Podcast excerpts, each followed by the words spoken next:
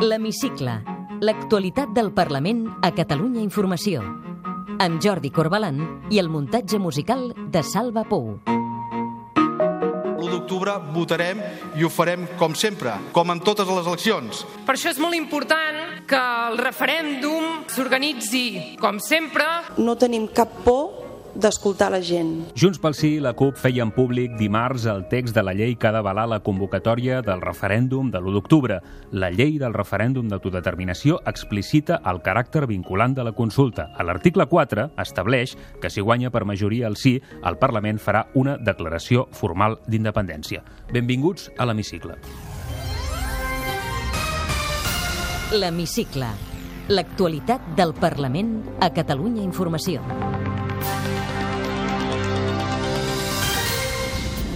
L'oposició en bloc carrega contra la llei del referèndum i exigeixen que es porti al Parlament. un cop d'estat que pretenen donar-li formes i maneres democràtiques. no asistimos a performance de un tripartito separatista. és perillós que s'intenti induir a confusió sobre el que és donar explicacions en seu parlamentària. incompleix les resolucions del Parlament de Catalunya. El Consell de Garanties avala la lectura única de la reforma del reglament, però qüestiona que s'utilitzi per a la desconnexió. El dictamen és molt clar, avala la proposta de reforma de l'article 135. És un zasca fet per unanimitat, un autèntic bany de realitat. El Tribunal Constitucional anul·la el pressupost per a l'1 d'octubre. És veritat que l'Estat intentarà posar sobre totes les traves, però tan veritat és que hi ha la determinació d'aquest govern de portar-ho a terme. Puigdemont cessa el conseller Baget per dubtar del referèndum. Jo crec que no m'he comportat d'una manera desigual. Et vull agrair la honestedat, el treball, la seriositat, el rigor, la bona feina feta al front del departament. I ens contestarà en una frase al qüestionari de l'hemicicle Anna Gabriel i Sabater, diputada de la CUP Crida Constituent.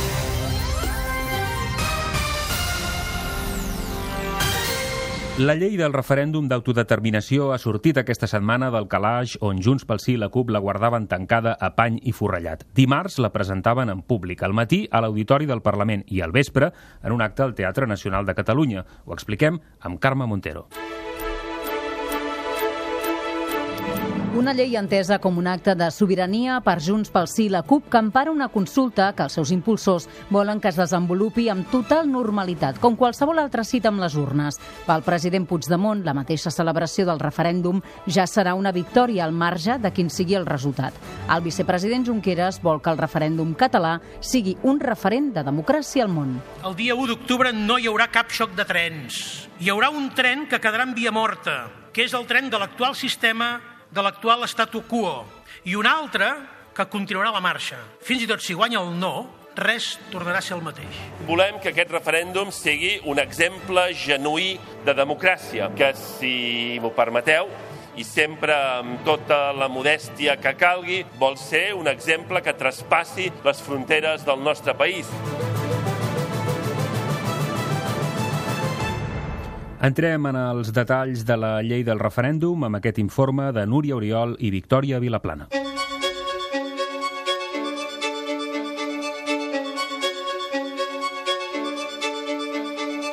Podrà votar? Tothom que ja ho pot fer en unes eleccions al Parlament, els majors de 18 anys i que formin part del Cens de Catalunya. Jordi Turull, diputat de Junts pel Sí. Totes les persones amb dret a vot constaran en un cens. I totes aquestes persones, durant el procés electoral, rebran informació censal per tal que puguin participar amb la màxima normalitat i tinguin tota la informació a l'abast de com poden i a on han de votar. Els catalans que viuen a l'exterior també podran fer ús del seu dret a vot si compleixen aquests requisits. Marta Rovira, diputada de Junts pel Sí. està inscrits al CERA, el Censo de Españoles Residentes Ausentes, per tant aquest és un requisit imprescindible, i també hauran d'estar inscrits a un registre que ha creat el Parlament de Catalunya, que és el registre de catalans a l'exterior. Els col·legis electorals hauran de ser també els habituals. I aquí serà important la col·laboració dels ajuntaments. Els ajuntaments cediran els locals de la seva titularitat que habitualment destinen a unes eleccions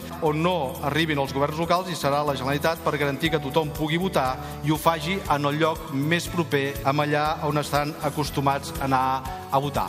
No hi faltaran tampoc les meses amb les urnes. Les meses es constituiran amb un sorteig públic, s'elegirà un president i dos vocals de les meses, s'escolliran dos suplents per cap, com hem fet sempre. Serà l'administració electoral qui farà aquest sorteig públic.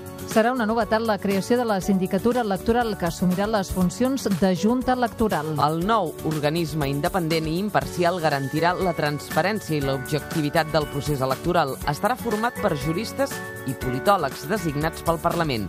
Lluís Coromines, de Junts pel Sí.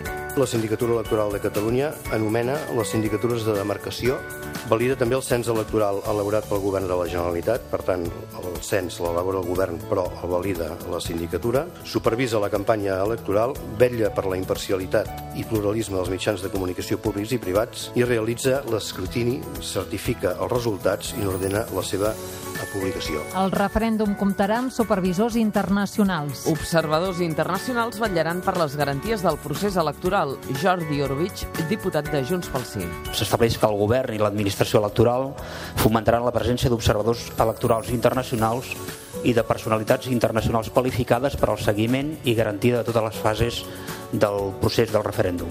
La llei cobreix tothom qui participa en l'organització del referèndum. Tots els implicats en l'organització, funcionaris inclosos, estaran emparats per aquesta llei. Tots els treballadors que col·laborin en el referèndum, siguin funcionaris o no, estaran emparats per aquesta llei del referèndum i, per tant, ningú els hi podrà dir que estan infringint cap normativa serà un referèndum vinculant. Els seus resultats tindran conseqüències. Gabriela Serra, diputada de la CUP, explicava què passarà si guanya el sí.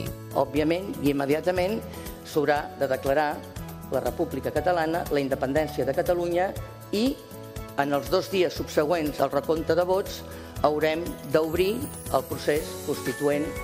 I si guanya el no? El eh, primer que haurem de fer serà prendre igual al Carmen, continuar lluitant, continuar lluitant i el president, que ja s'haurà begut l'aigua del Carmen, potser no li caldrà amb ell, convocar unes noves eleccions autonòmiques. La proposició de llei del referèndum d'autodeterminació s'aprovarà al Parlament entre finals d'agost i principis de setembre. Entrarà en vigor quan es publiqui el Diari Oficial de la Generalitat, moment en què el president o el govern firmaran el decret de convocatòria del referèndum. A finals de mes, pels vots de Sant Jaume es desvelaran els detalls de la llei de transitorietat que ha de fixar les bases per passar d'una legalitat a l'altra en cas que guanyi el sí en el referèndum.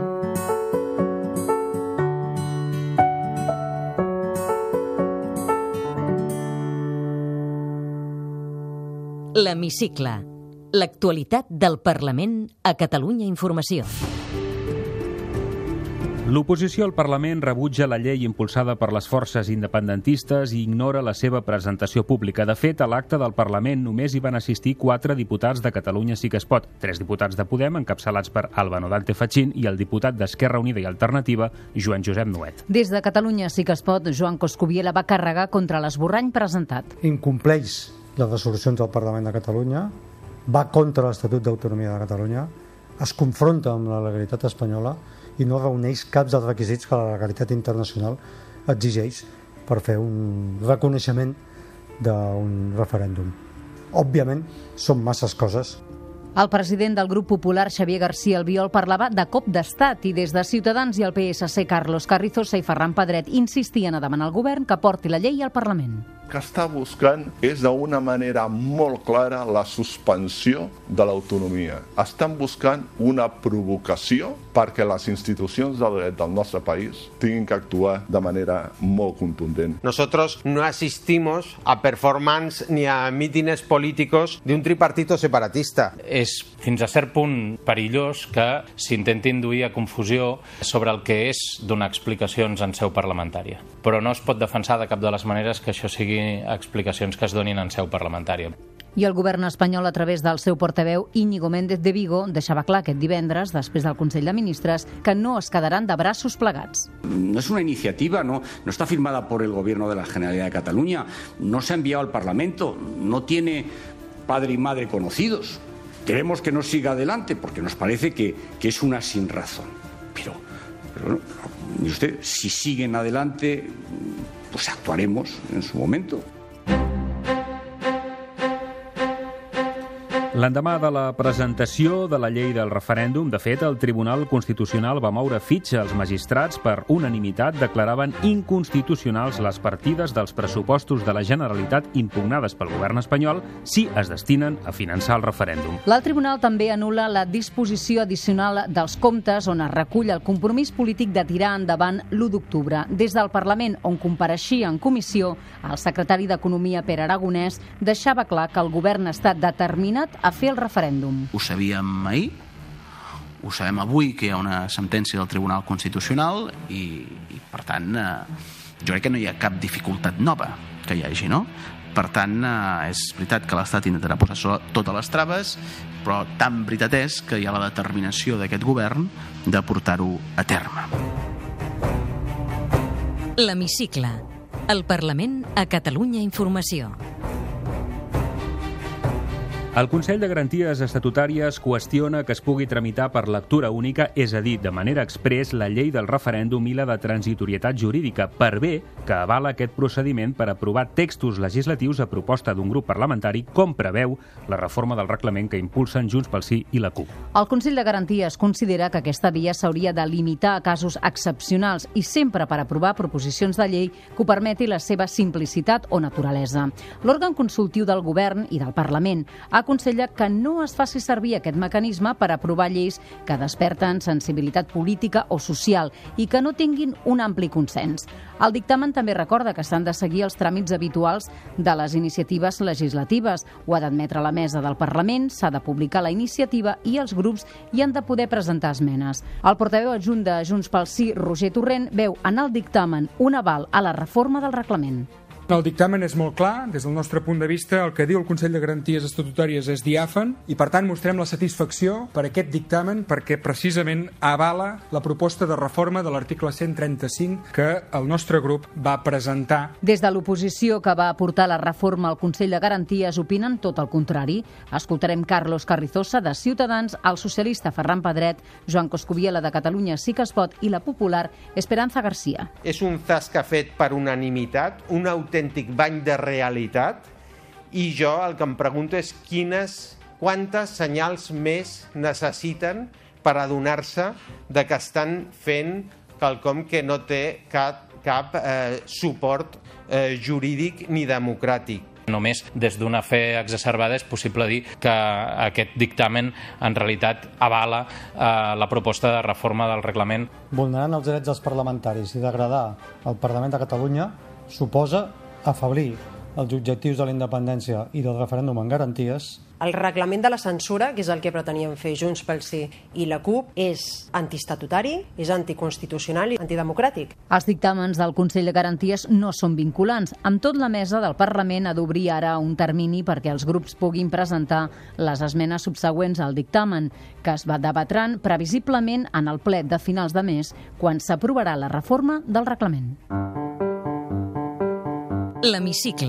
Order, order. Colleagues, we're pleased to be joined today by Speaker Karma Forcadell, the Speaker of Així saludava el president de la Cambra dels Comuns, John Bercow, la presidenta Forcadell, que dilluns visitava el Parlament britànic a Londres. L'espíquer de la Cambra dels Comuns es va reunir amb Forcadell i li va preguntar per la querella presentada en contra seva i la mesa del Parlament. Jo li he explicat doncs, perquè vam fer una votació una votació i un debat sobre el referèndum de Catalunya. No? I llavors ella ha dit que això doncs, que no ho entenia perquè s'havia de defensar sempre la llibertat d'expressió. I aquest divendres el delegat del govern espanyol i exportaveu parlamentari del Partit Popular Enric Milló i el portaveu de Ciutadans Carlos Carrizosa declaraven al Tribunal Superior com a testimonis per la querella contra Forcadell i la Mesa. Precisament el Tribunal ha rebutjat un altre recurs de les defenses dels investigats que demanaven que s'arxivés el cas. Dilluns passat, a la vigília de la presentació de la llei del referèndum, el president de la Generalitat, Carles Puigdemont, cessava el conseller d'Empresa i Coneixement, Jordi Baget, per unes declaracions en què expressava dubtes sobre el referèndum. Tot i que des de la direcció del PDeCAT es va defensar el compromís de Baget amb el referèndum, Puigdemont va optar per cessar-lo. La CUP i Esquerra havien mostrat desacord amb les paraules del conseller. Sentirem Baget i el president Puigdemont agraint-li la feina al capdavant de la conselleria amb la presa de possessió de Santi Martí Vila com a nou titular d'Empresa i Coneixement. Sempre, des del moment en què et nomenen, has de posar a disposició del president el teu càrrec. Jo crec que no m'he comportat d'una manera deslleial. Simplement el que apuntàvem en aquesta conversa és que hem de tenir i hem d'estar preparats per les respostes del govern de l'Estat. Et vull agrair la honestedat, el treball, la seriositat, el rigor, la bona feina feta al front del departament. En soc testimoni directe, n'estic agraït. Puigdemont, que la setmana que ve donarà explicacions en el ple dels canvis al govern, feia públic el nomenament de Lluís Puig com a nou conseller de Cultura. L'Hemicicle. El Parlament a Catalunya Informació. Nova sessió de la Comissió d'Investigació de l'Operació Catalunya amb la compareixença de l'exdetectiu de Método 3, Julián Peribáñez. Peribáñez va acusar directament l'exdirigent socialista José Zaragoza d'haver ordenat la gravació del dinar de la Camarga i va exculpar-ne l'exlíder del PP, Alicia Sánchez Camacho. La Camarga es una grabación ilegal ¿Sí? ¿eh? encargada por el, por el Partido Social, pues encargada por el señor Zaragoza y pagada por el Partido Socialista de Cataluña. Ya está. I la senyora Sánchez Camacho sabia que la gravaven? No. Ah, no? No. Yo no sé lo que pasa dentro de la Policía Nacional y no sé lo que pasa dentro del Ministerio del Interior. Yo le pongo la mano en el fuego por mí. Ya le he dicho que yo jamás he realizado ningún tipo de, espionaje de estos, de estos. Para mí la Operación Cataluña no es más que una campaña de difamación, desinformación y manipulación de la opinión pública, orquestada por el núcleo duro histórico de Convergencia Democrática de Cataluña L'Hemicicle. Aquesta setmana al Parlament han passat més coses. El síndic de Greuges feia un toc d'atenció a les administracions públiques que encara no situen el dret d'accés a la informació per part de la ciutadania com a prioritari. En el segon informe anual sobre el compliment de la llei de transparència, que el síndic lliurava dijous a la presidenta Forcadell, es dobla el nombre de peticions d'informació pública a les administracions, més de 9.000 al 2016. En tot, el síndic Rafael Ribó feia aquest avís. Subratllem que no veiem una atenció preferencial i prioritària per part d'administracions sobre el dret d'accés. I el síndic crida l'atenció en què el dret d'accés hauria de ser preferencial i prioritari. I la setmana que ve el ple aprovarà la llei de la renda garantida de ciutadania. S'aprovarà dimecres després de l'acord entre el govern i els promotors de la iniciativa legislativa popular, que intervindran a l'hemicicle. El ple també farà el debat final de la llei de creació de l'Agència de Ciberseguretat de Catalunya. Té la paraula Anna Gabriel i Sabater, diputada de la CUP Crida Constituent. en una frase. El Tribunal Constitucional acaba d'anul·lar la disposició addicional 40 dels pressupostos i la resta d'articles impugnats diuen si es fan servir per fer el referèndum. És la primera resposta a la presentació de la llei del referèndum? Nosaltres ja havíem previst que qualsevol pas que féssim eh, cap a l'exercici del dret a l'autodeterminació seria suspès i per això en el seu moment, en la declaració del 9 de novembre de 2015, ja vam dir que s'havien de desoir aquestes sentències. Cop d'estat, suspensió d'autonomia, paralitzar lleis en 24 hores, es recorda la missió primordial de l'exèrcit, no els hi posaran fàcil. En absolut, no podem menys tenir la força de l'estat espanyol i és per això que convé que nosaltres actuem amb tot el rigor i tota la determinació. Les clavegueres de l'Estat es remouran d'aquí a l'1 d'octubre? Jo crec que l'estat espanyol mai ha deixat de remoure les seves clavegueres en cap dels seus episodis polítics recents i ho seguirà fent. El referèndum hauria estat impossible sense la CUP, va dir Lluís Llach al Teatre Nacional. Vostè també és de les que ha pres litres de tila aquests 18 mesos?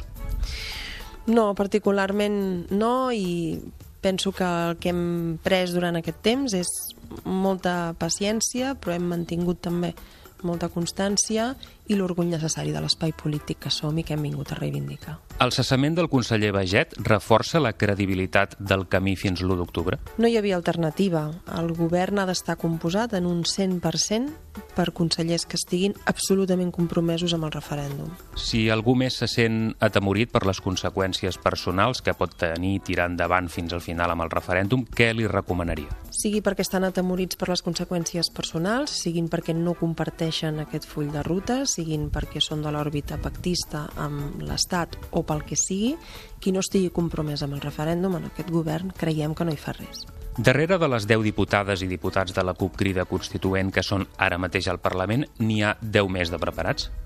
N'hi ha 10 i després n'hi ha 10 més i així fins a esgotar tota la llista. I si calgués formar un govern de concentració excepcional per arribar a l'1 d'octubre, la CUP hi seria? No crec que sigui necessari conformar un govern de concentració excepcional. Nosaltres, amb tot allò que tingui a veure amb l'excepcionalitat democràtica, hi serem sense que calgui que estigui en el, no? sense que calgui que estem en el govern. I això com es pot fer? Com estem fent ara. Estem absolutament compromesos amb tots i cadascun dels passos que van al referèndum.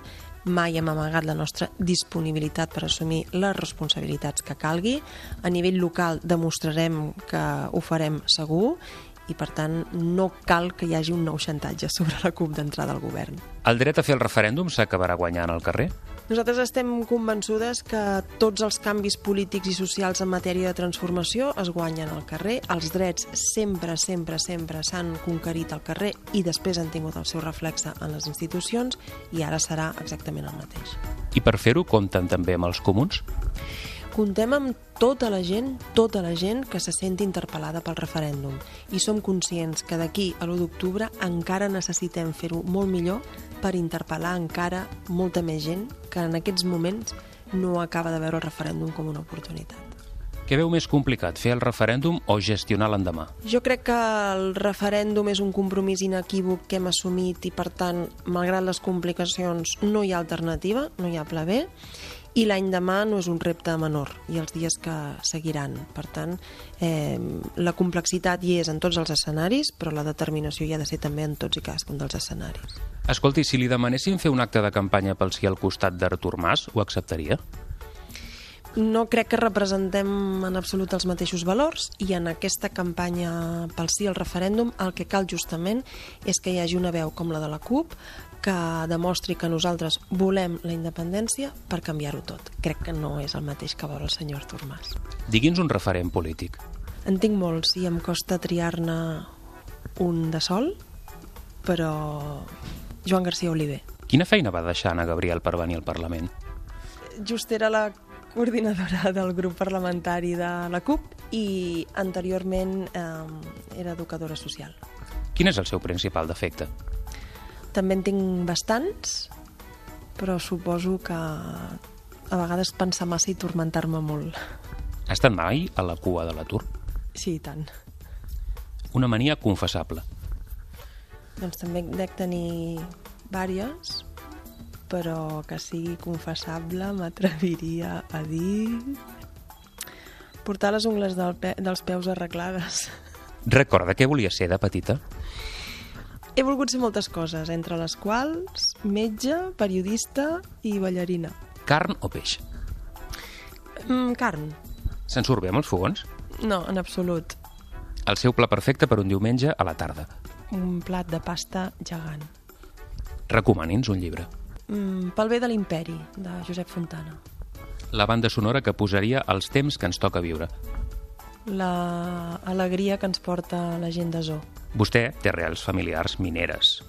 Això imprimeix caràcter? No només tinc arrels familiars mineres, tinc arrels familiars obreres per tots, el, per tots els cantons, a la mineria, a la siderúrgia i al tèxtil, i estic segura que jo he mamat consciència de classe des de que vaig néixer. El racó de Sallent que no podem deixar de visitar. La plaça de la Fumera, que és la festa major de Sallent. Farà vacances aquest estiu? Com tu fer-ne, sí. Com tu escapar-me uns dies amb una excel·lent companyia, a més a més. Hi ha alguna cosa després de la mort? No. Què l'omple més a la vida? Saber que sóc coherent amb els principis que vull defensar i no trair-los. Quin és ara mateix el seu principal anel? Doncs que l'espai polític de l'esquerra independentista, de l'esquerra anticapitalista, de les invisibles, de les colpejades, de les torturades i de les oblidades, puguin per fi aconseguir com a mínim algun dels seus somnis. Anna Gabriel, diputada i portaveu del grup parlamentari de la CUP Crida Constituent, gràcies per acompanyar-nos avui a l'hemicicle. Moltes gràcies a vosaltres. Podeu tornar a escoltar l'Hemicicle al web catradio.cat barra hemicicle i seguir l'actualitat del Parlament a través del Twitter a arroba hemicicle i arroba cati guió baix política.